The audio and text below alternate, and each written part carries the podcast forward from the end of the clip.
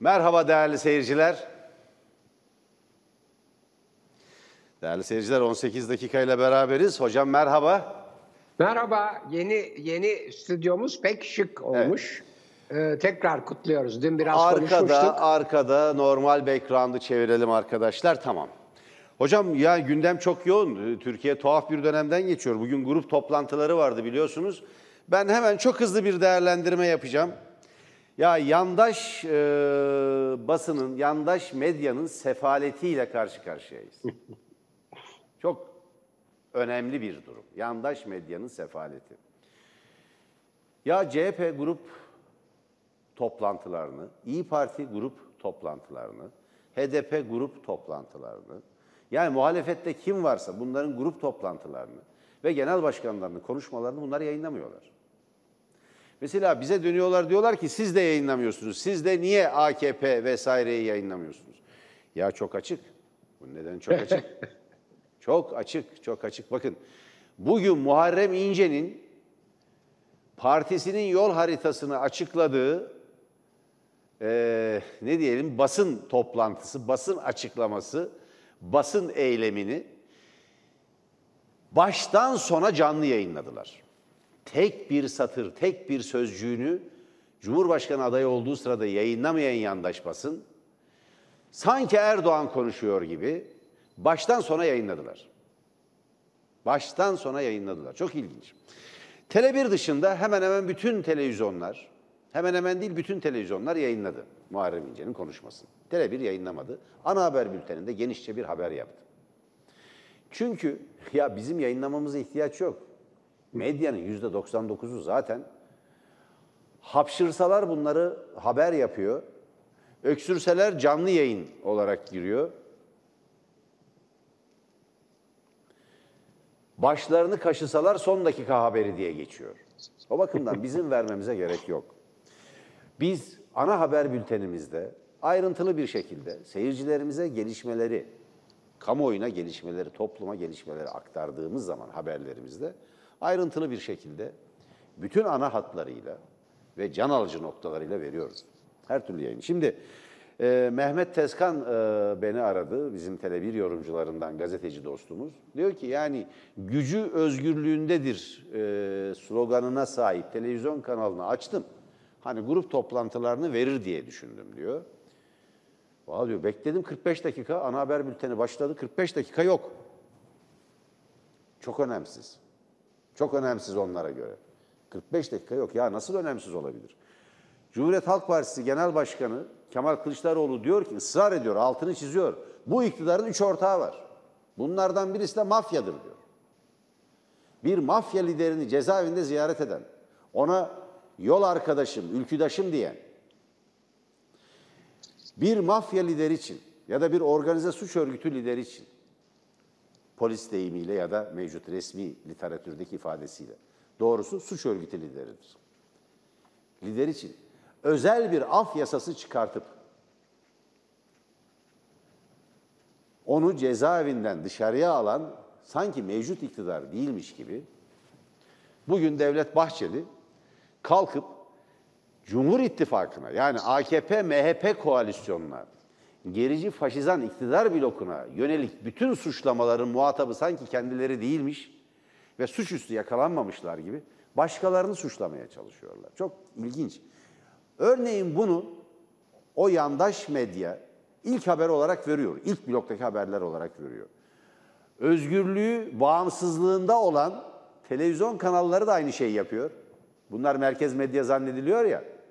CNN Türk, Haber Türk, NTV ve fakat muhalefetin iktidarı sarsacak derecede önemli çıkışlarını haber değeri taşıyan, kendileri iz, kendilerini izleyen seyirciyi bilgilendirme görevleri olmasına karşın, sorumlulukları bulunmasına karşın yer vermediler. Yandaş medyanın böyle bir sefaletiyle başlamak ve şunu söylemek istiyorum. Tele1'i izlemeyen, Tele1'i takip etmeyen, gelişmeleri Tele1'den öğrenme şansını yakalayamayan toplumun her kesiminden yurttaşımız hangi partiye oy verirse versin, siyasi eğilimi, felsefi tercihi ne olursa olsun çok şey kaybediyor demektir. Hatta bazı muhalif sandığınız kanallara da çok dikkat edin. Bunun altını çizmek istiyorum. Onları da dikkatli bir şekilde izlemenizde yarar var. Hocam, iktidarın üçüncü ortağı mafya mı gerçekten? Mafya mı?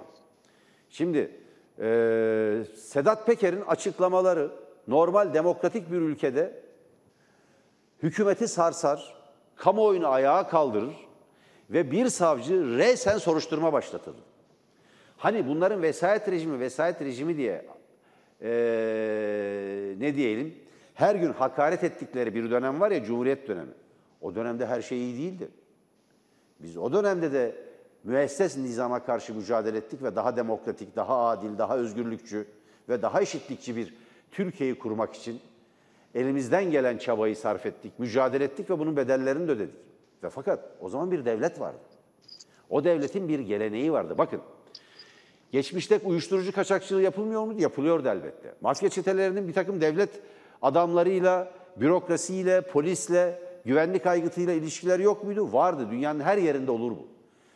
Çünkü mafya ancak polisle, devlet aygıtı içerisindeki bazı odaklarla işbirliği yaparak var olur. Kurulu düzene karşı değildir mafya.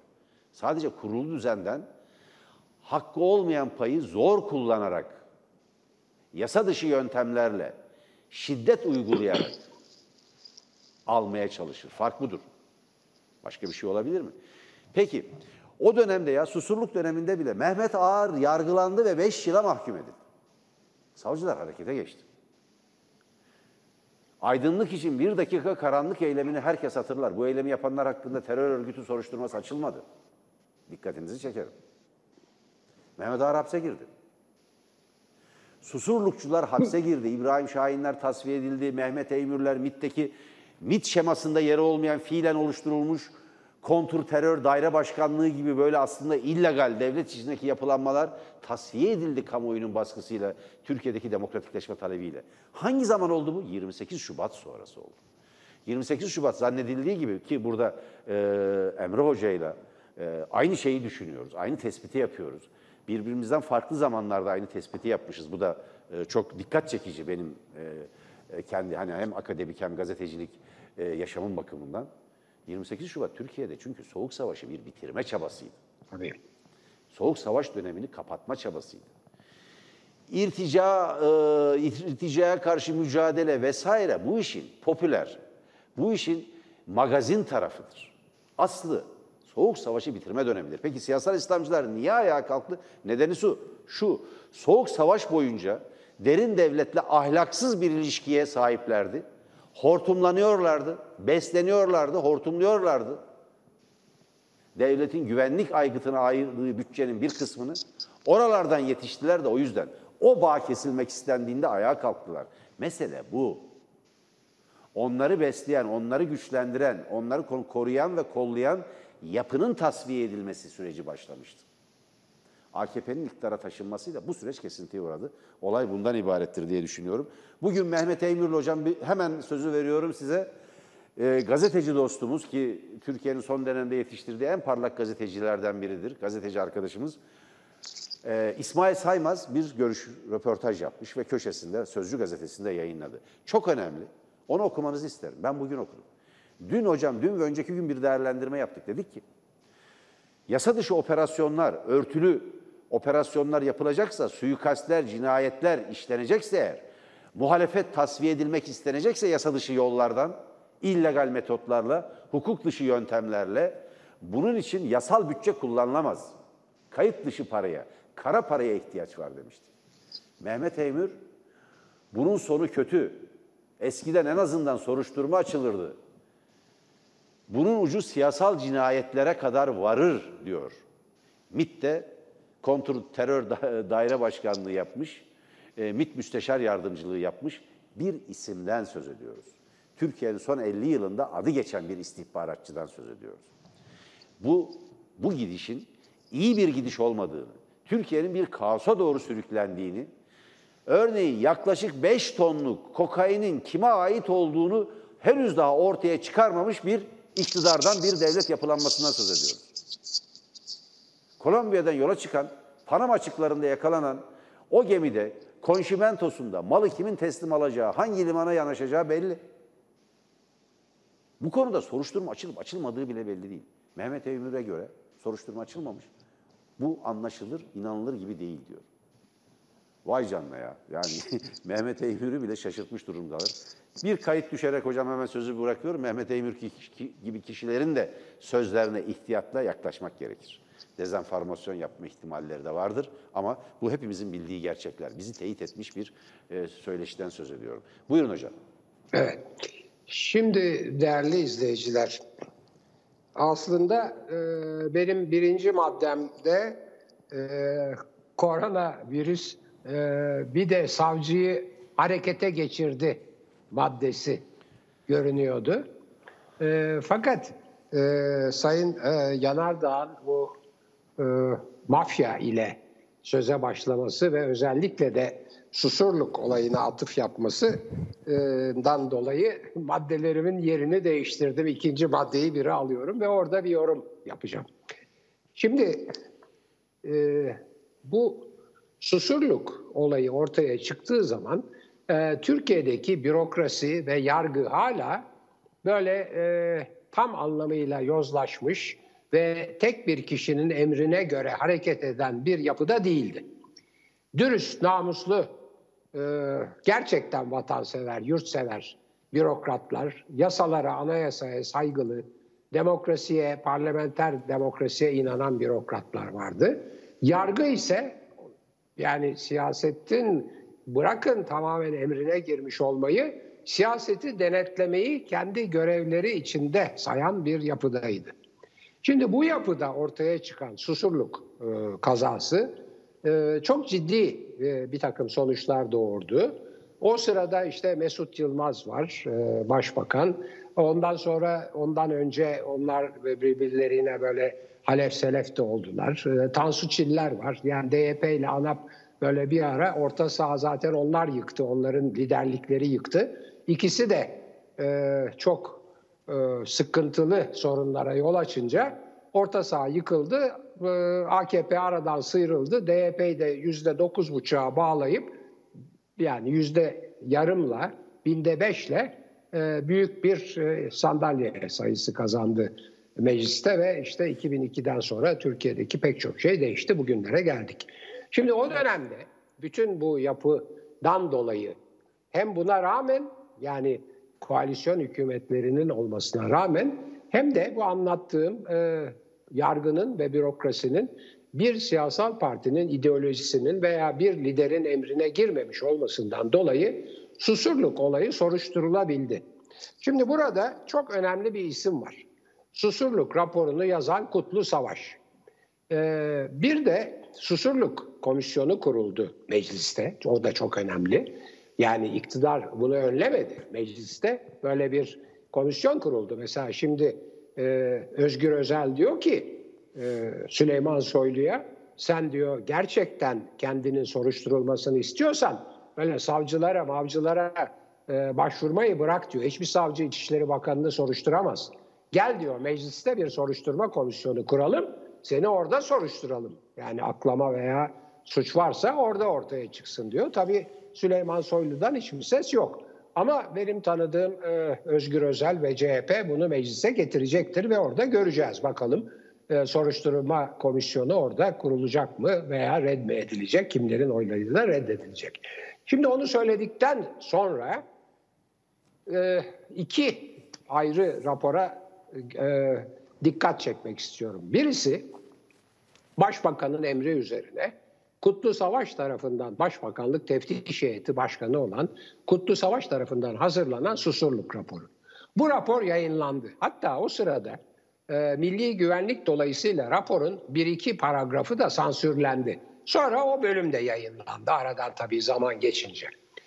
Bu çok ciddi bir rapor. Bir de mecliste kurulan araştırma komisyonunun çok kalın bir zabıt raporu var.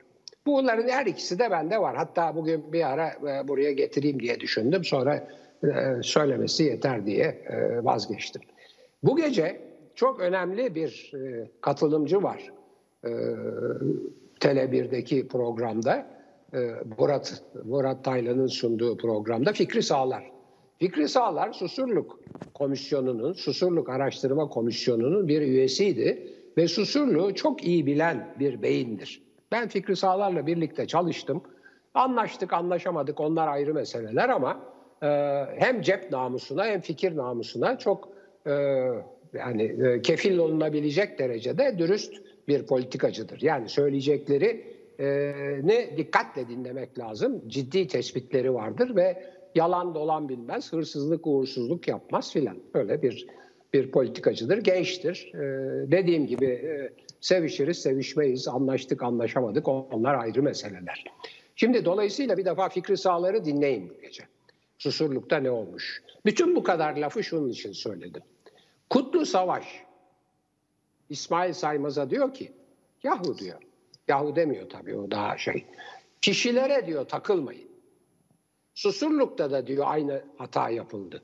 Yani Susurluk'ta da işte yok Mehmet Özbay'dı, yok onun asıl kişiliği şuydu, şu e, ülkücüydü, bu bilmem kimdi. İşte e, bir emniyet müdürü vardı, bir e, aşiret reisi e, vardı. Yani bir bir mafya e, ülkücü, bir emniyet müdürü, bir aşiret reisi, bir de o ülkücü e, mafyanın sevgilisi olan bir kadın. Dört kişi oradan kazadan çıkıyorlar. E, şey kurtuluyor. O e, politikacı olan bir aşiret reisi olan kurtuluyor. E, öbürleri e, hayatlarını kaybediyorlar. Allah rahmet eylesin diyelim.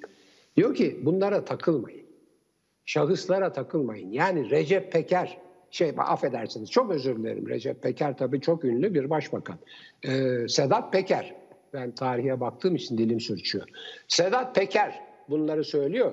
Bu bir uyuşturucu ile mücadeleyle tanınan veya işte uyuşturucularla bilmem e, iş yapmış olan onlara karşı olarak e, filan da olsa çünkü öyle bir e, ün var yani ben, bana cevap verdikten sonra pek çok yerden bana bilgi geldi. Dediler ki ya bu e, Sedat Peker uyuşturucu kullanmaz. Bilakis uyuşturucuları işte o e, Süleyman Soylu'nun söylediği kemiklerini kıracağım filan dedirten budur filan dediler. Neyse yani onları filan çok iyi bilen bir mafya lideridir, değildir.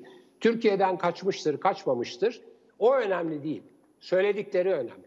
İki, Süleyman Soylu veya Mehmet Ağar kişilikleri önemli değil. Kişiler önemli. Yani burada üç tane şimdi kahraman var değerli izleyiciler. Bu dizide bu bir artık Güney Amerika dizisine döndü veya bizim bilmem Kurtlar Vadisi falan gibi abuk sabuk dizilere benzedi.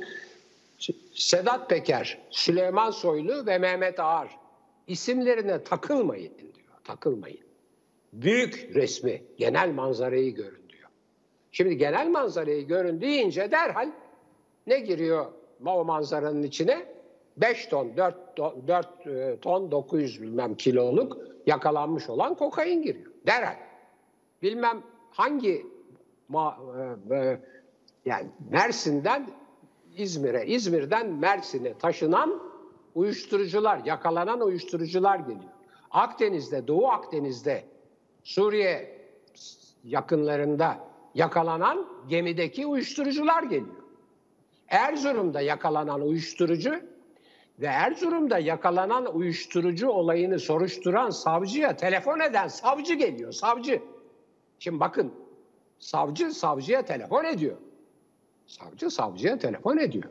Diyor ki bu yakaladığın diyor senin şey e, işte uyuşturucu meselesinde öne çıkan ve hakkında soruşturma kovuşturma yapacağın adam temizdir diyor. Hangi savcıymış bu veya hangi olaymış? E, mahkum olan bir adam sonradan o. Ama o arada bir de örnek veriyor. Diyor ki işte bu zindaştı bilmem ne falan filan olaylarında diyor böyle şeyler yapıldı.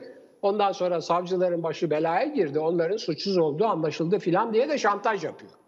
Bunun üzerine kendisine telefon edilen savcı bunu derhal zapta geçiriyor ve o savcı hakkında şikayette bulunuyor. Değerli izleyiciler, büyük resim, büyük resim bu. Büyük resim uyuşturucu ve silah kaçakçılığı resmi. Büyük resim dün söylediğim bütün dünyada bilinen işte Yarbay North olayı, Amerika'nın katıldığı olay, İran olayı, kontralar olayı, filan Sandinistalar, şunlar bunlar, Panama, Evet, Noriega. Dün de hocam ülkeyi düzeltelim. Ee, bir dil suçmasıyla Venezuela demiştik. Nikaragua evet. Ha Nikaragua, evet. Ha ben dedim onu. Tabii, affedersiniz. O benim hatamdır. Çok özür dilerim. Venezuela e, işte orada çok önemli sorunlar var. İnsanın aklı kayıyor. Tabii ki Nikaragua, e, Sandinistalar oranın kurtarıcıları. Yani So- Somoza'ya karşı onlar çıkıyorlar. Evet, o çok teşekkür ederim. Ben de not almıştım. E, iyi hatırlattınız.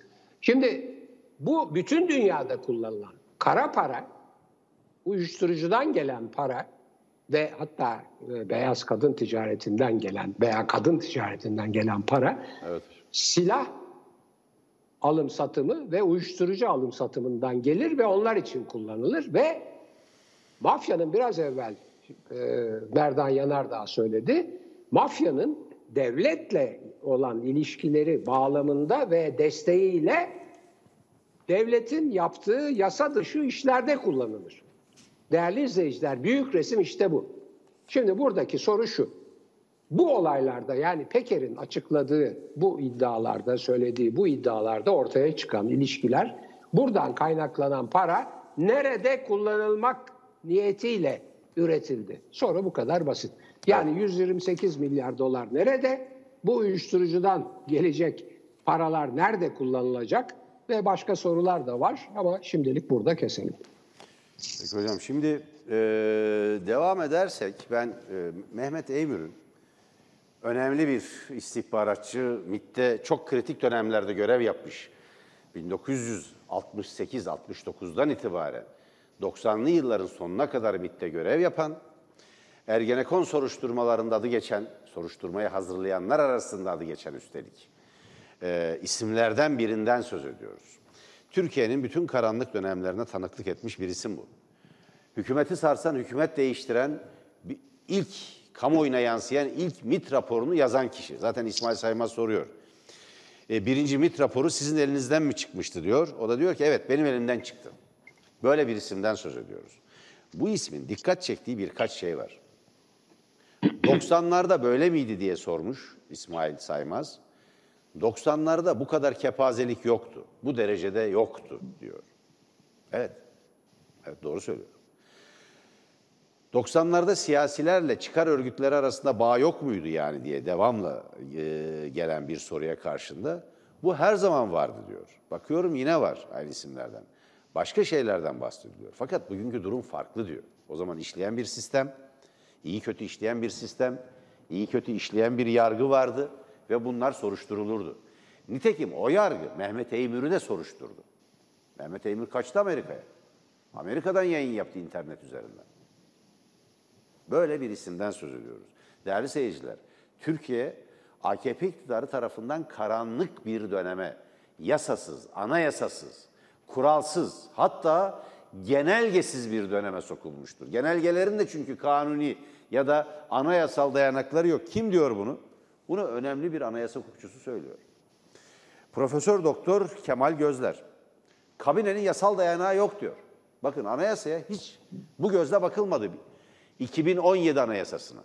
Çünkü Türkiye artık 1982 anayasasıyla yönetilmiyor değerli seyirciler. O 82 anayasası birçok maddesi değiştirilerek zaman içinde hayli düzeltilmişti. Ama 2017 anayasası bugünkü rejimi kuran anayasadır. Peki o anayasayla Başbakanlığı ve Bakanlar Kurulu'nu kaldırdılar. Peki anayasada yerine neyi koyduğunu belirtmedi ki. Yok anayasada. Hüküm yok. Bakanların attığı imzanın yasal karşılığı yok. Onlar bakan mıdır?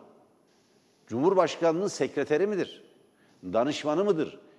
Müşaviri midir belli değil. Birer Cumhurbaşkanlığı kararnamesiyle bakan diye atanıyorlar. Fakat anayasal dayanağı yok. Sayın Kemal Gözler diyor ki bir an önce anayasal bir dayanağa kavuşturulmalıdır ya da kabine toplantısı diye bir toplantı yapılmamalıdır. Cumhurbaşkanı danışmanlarıyla toplanmalı ve karar almalıdır. Çünkü bu kararlar hakkında yani bakanların kararları hakkında, bakanlıklarca verilen kararlar hakkında yarın mahkemeye başvurulursa idare mahkemesine bunlar iptal edilebilir çünkü. Dikkat çekilen bu. Şimdi değerli seyirciler işte tablo bundan ibaret. Ben bir süredir 18 dakikada Emre Bey de bunu söyledi, destekledi. Türkiye'nin anayasasızlaştığını, bunun bunun 1876'nın gerisine götürmek anlamına geldiğini Türkiye'nin özellikle belirttim. En iyi ihtimalle 1908'in gerisine gitti. 1908'de çünkü kanuni esası yeniden ilan edilip meclisi mebusan yani meclis açıldı. Ve padişahın yetkileri ki bütçe yapma hakkı da dahil tamamen meclise devredildi ve padişahın yetkileri sembolik hale getirildi. Padişaha da bildiğim kadar yanlış hatırlamıyorsam 15 bin lira veyahut 15 bin altın maaş bağlandı. Ve yetki meclise geçti. Onun bile gerisine götüren bir düzenden söz ediyoruz. Ben hep anlattım. Nizamül Mülk'ün siyasetnamesi 1092'de yayınlanmıştır sarayın yazıcıları, hattatları tarafından ilk baskıları, ilk kopyaları 1092'de çıkarılmıştır. Ondan önce Gazneliler, Karahanlılar bu devlet geleneğinin temelinde yer alırlar.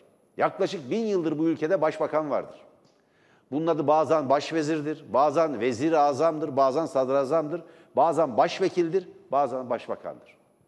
İlk kez bu dönemde yok. Bu dönemde bakan da yok değerli seyirciler. Vezirler de yok. Vezirler de devrilmiş durumda.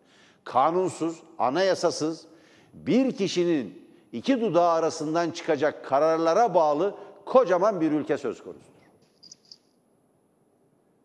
Böyle bir ülkeyi bu sistemle, bu yönetim tarzıyla, bu anlayışla, bu totaliter yaklaşımla yönetemezsiniz. Olay budur. Evet hocam. Evet. Şimdi aslında bu e, koronavirüsün savcısına gelmek zor olacak. Onun için başta o konuda bir, bir şey söyleyeyim. E, sadece bir savcının harekete geçtiğini, resen harekete geçtiğini görmekle kalmıyoruz. Siz o konuya değinin hocam, onu açın. Bence o günün en önemli olaylarından biri çünkü. Biri. Savcı Ama- olayı.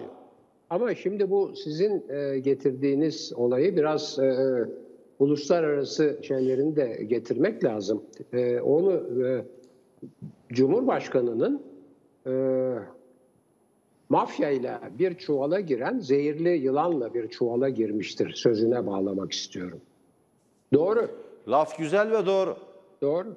Laf değerli ve doğru. izleyicilerimiz, değerli izleyicilerimiz Ama yani kimin girdiği burada tartışmalı o Evet. çuvala. Yok ta- hayır hiç tartışmalı falan değil. Aslında değil. Kimin Hayır, girdiği belli. Falan değil. Tabii. Tabii doğru. Şey, tabii kimin girdiği belli. Şimdi değerli izleyicilerimiz gayet net olarak hazırlayacak, hatırlayacaklar. Ee, özellikle terörden söz edilirken, mafyadan değil. Mafya şimdi yeni girdi. Ama bugüne kadar biz iki şeyden söz ediyorduk değil mi? Bir terörden söz ediyorduk, bir de tarikatlardan söz ediyorduk. Yani mevcut iktidar ve terörle savaşıyorum deyip terör örgütleriyle gizlice müzakereye oturuyordu filan böyle bir şeyler. Ee, onu eleştiriyorduk. Sonra e, işte bir meşru siyasal partiyi terör örgütünün uzantısı olmakla suçluyor. Üstelik o partiyle ilişkisi olmayan bambaşka bir partiyi, ana muhalefet partisini de onunla ilişkilendirip işte bunlar teröristler filan gibi öyle akıllara ziyan bir takım iddialarda bulunduğunu söylüyorduk. Bir de tarikatların yeniden yani cemaat temizlendikten sonra eğer temizlenmişse o da tartışmalı ya temizlendiği falan yok aslında bana sorarsanız cemaatin önemli neyse yani Aynen o hocam. güya güya temizlendikten sonra cemaat onun yerini belli bakanlıklarda Adalet Bakanlığı'nda şu cemaat, Sağlık Bakanlığı'nda bu cemaat, Milli Eğitim Bakanlığı'nda şu cemaatin aldığı biliniyor. Üstelik e, mesela Milli Eğitim Bakanlığı'nın protokolleri var. Yani öyle bu gizli saklı da değil. Öbür bakanlıklardaki cemaatler veya e, tarikatlar hakkında da kitaplar var. Bakın işte Metastas'a bakın, Cendere'ye bakın göreceksiniz. Onlar hepsi ismen yazılıyor. Şimdi mafya ilk kez gündeme geliyor. Fakat e, Cumhurbaşkanı'nın söylediği mafya ile aynı çuvala giren sözünü terörle aynı çuvala giren diye de tekrarlamak lazım. Değerli izleyicilerimizin anımsayacaklar dediğim, e, değerli izleyicilerimizi anımsayacaklar dediğim olay benim burada özellikle Orta Amerika'yı yani burada Panama'yı ve El Salvador'u örnek vererek e, ki Sandinista'ya karşı kontralar da bunlardan biri. Yani Nikaragua da bunlardan biri.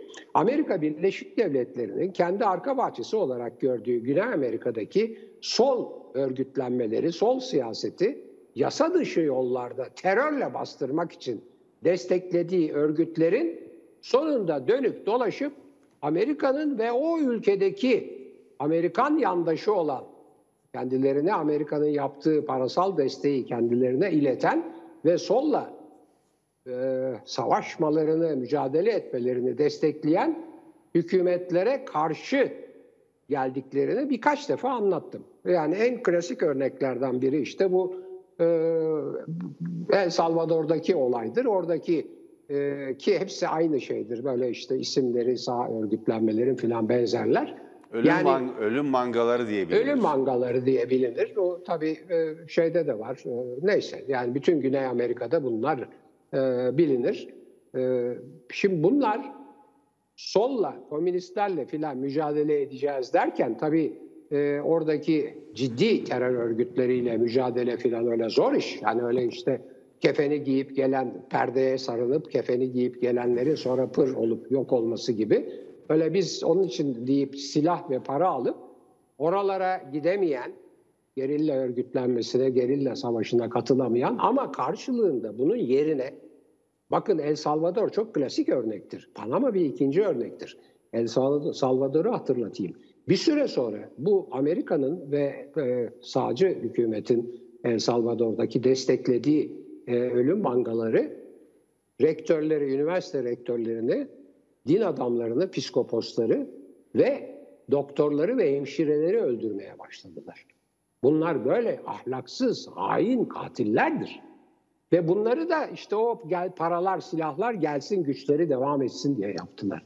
Bu o hale geldi ki sonunda e, bu işte şeye Sandinistalara karşı savaşan kontralara paraları yollayan Amerika kimin üzerinden yolluyordu? Noriega, Panama üzerinden yolluyordu.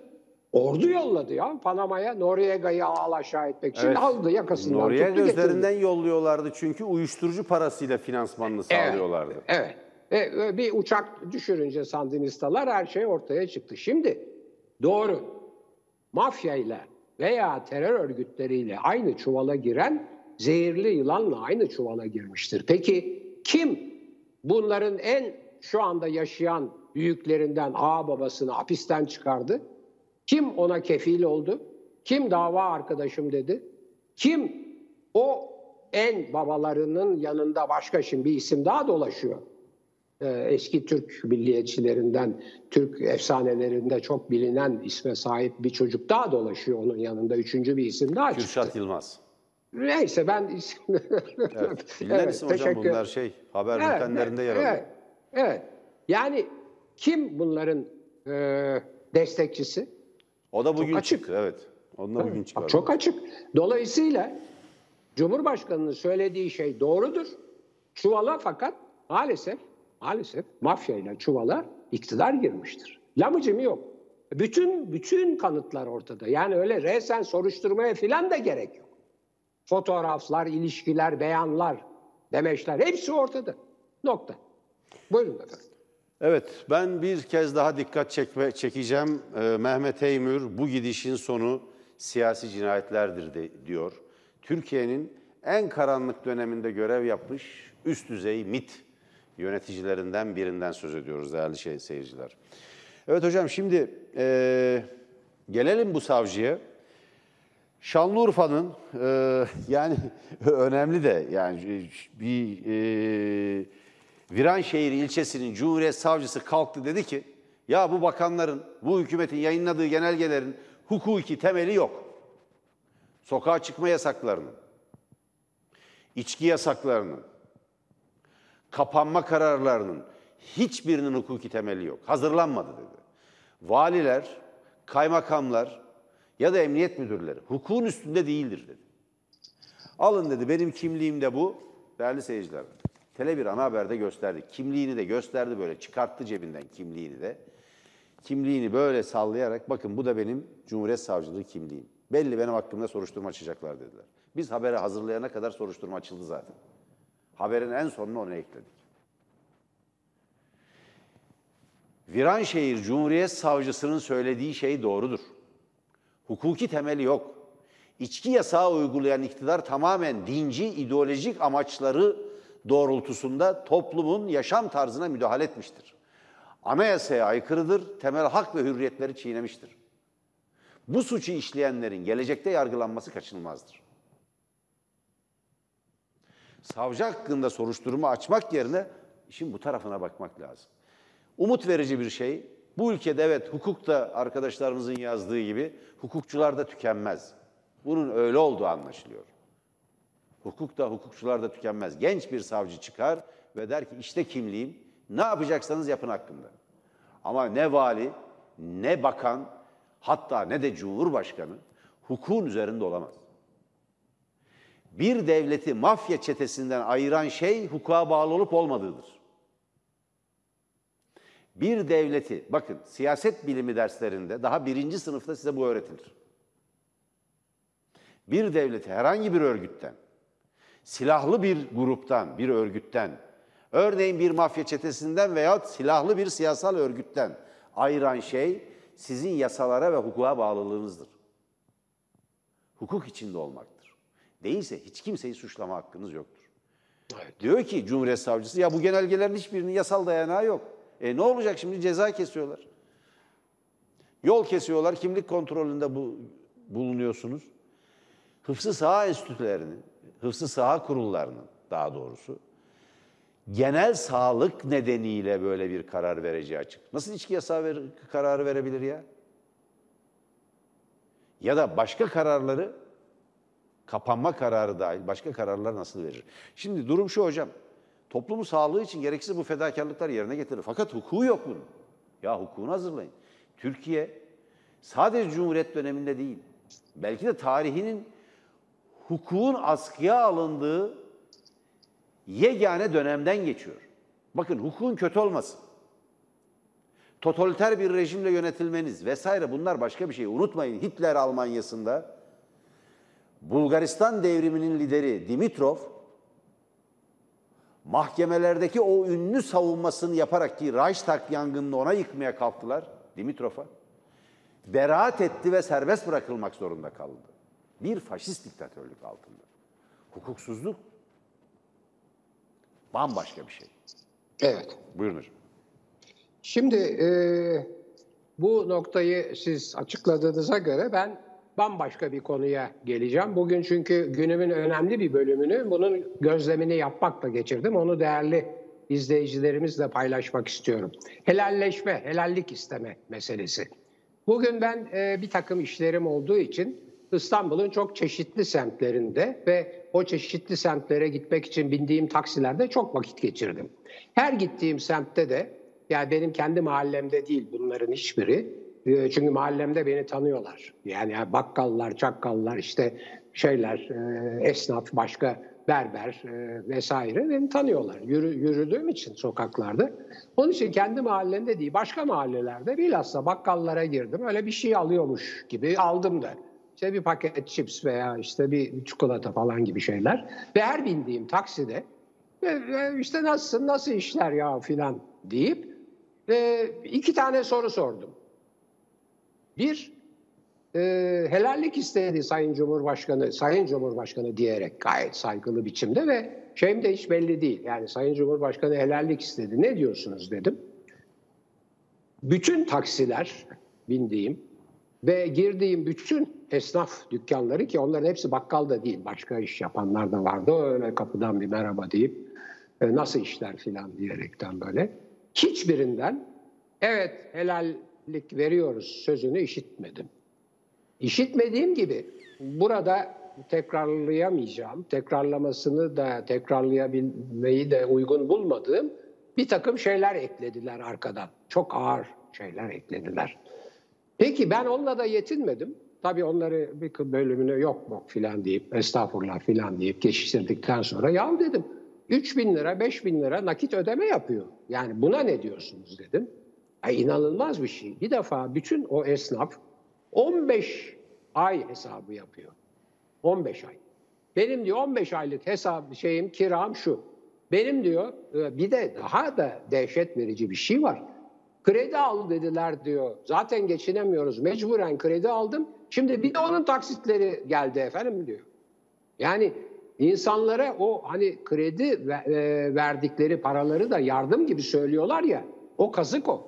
O insanlara yardım falan olmuyor. O insanların hayatlarını kabusa çeviriyor. Böyle bir izlenimim var. Onu da değerli izleyicilerime e, anlatmış olayım. Bayağı çünkü vakit harcadım. Evet gül, gül, gülüşünüzden anlıyorum. Söyleyemediğim ilaveleri düşünüyorsunuz ama e, işte neyse işte o kadar.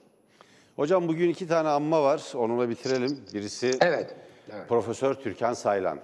Evet. Ergenekon denilen o hoyrat, o insanları e, tasfiye etmeye, e, Cumhuriyeti savunanları, yurtseverleri, akademisyenleri ve bu arada susurluk artı bazı isimleri de araya ekleyerek kamuoyunu yanıltmayı amaçlayan ki yanılttıkları çok geniş bir kesim oldu. O kumpasın kurbanlarından biri Türkan Saylan'ın bugün ölüm yıl dönümü. Bir başkası daha var, o da önemli. Tam 48. ölüm yıl dönümü. İbrahim Kaypakkaya.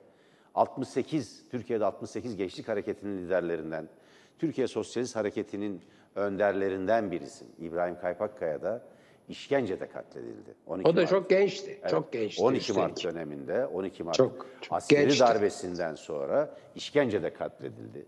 Her iki ismi de saygıyla anıyoruz. İşkencede öldürülen ve ilk kayıplardan biri vardır Şubat ayında Ali Kayahan. Ali Kayahan, Yıldız Teknik Üniversitesi, o zaman Yıldız Mimarlık Mühendislik e, Akademisi öğrencisiydi. Ee, Türkiye'de Dev Genç, Devrimci Öğrenci Birliği DÖB'ün kurucularından, onun önde gelen isimlerinden Ali Kayahan da ilk işkencede öldürülüp kaybedilen isimlerden biridir.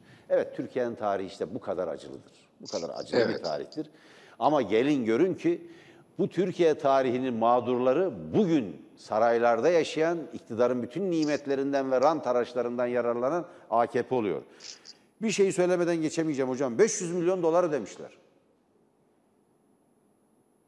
Kimsenin inmediği havalanlarına, havalanlarını yapan müteahhitlere 500 milyon dolar yani 4 milyar lira para ödemişler. 3 milyar lira ödemiş olsalardı bütün dükkanların kiralarını, bütün işçilerin maaşlarını, memurların maaşlarını veriyorlardı değerli seyirciler. Doğru. Doğru. Şimdi değerli izleyiciler, Türkan Saylan çok yakın arkadaşımdı benim. Ee, ve çok büyük hizmetler yapmıştır. Yılmadı, usanmadı. Ee, insanlığa önce e, cüzzam filan meselesinde ve halkına, kendi toplumuna hizmet için durmadan çalıştı. Ee, Çağdaş Yaşamı Destekleme Derneği'nin kurucusu değildir. O yanlış olarak öyle söylenir. Onu Aysel Ekşi kurmuştur. O ondan sonraki genel Evet. başkandır. Ama Çağdaş Yaşamı Destekleme Derneği'ni bugün bulunduğu yere getiren başkandır. Ondan sonra da e, Aysel Çelikel'le ve şimdi Ayşe Yüksel'le bu e, görev devam ediyor. Onu sadece hekim olarak cüzzama e, karşı yaptığı savaşta başarılı olmuş bir hekim olarak değil, özellikle kızların ve maddi durumu iyi olmayan Türkiye'deki kızların eğitimine yaptığı katkı için saygıyla anıyorum ve ona bunu çektirenleri hastayken kanser tedavisi görürken e, Ergenekon e, nasıl neyse işte e, bu ızdırapları çektiren zalimleri de unutmamak gerektiğini düşünüyorum. Evet. Evet değerli seyirciler bizden hemen sonra Murat Taylan'ın sunumuyla mercek programı var. Kaçırmayın. Hocamın söylediği gibi Fikri Sağlar ve diğer konuklar katılacaklar. Önemli, değerli konuklar var. Ee, Murat Taylan'ın e, ki e, Tuğba Emlek arkadaşımız bir sağlık e, sorunu nedeniyle e, iki haftadır program yapamıyor.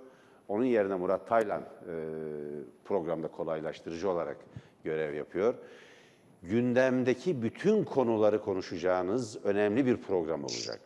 Önemli emniyet müdürleri, eski polis şefleri, e, Susurluk Komisyonu üyeleri Türkiye'nin yakın dönem karanlık tarihini yak- derinliğine incelemiş, izleyen, olayın tanığı hatta olayın e, taraflarından olan insanların katıldığı bir program olacak.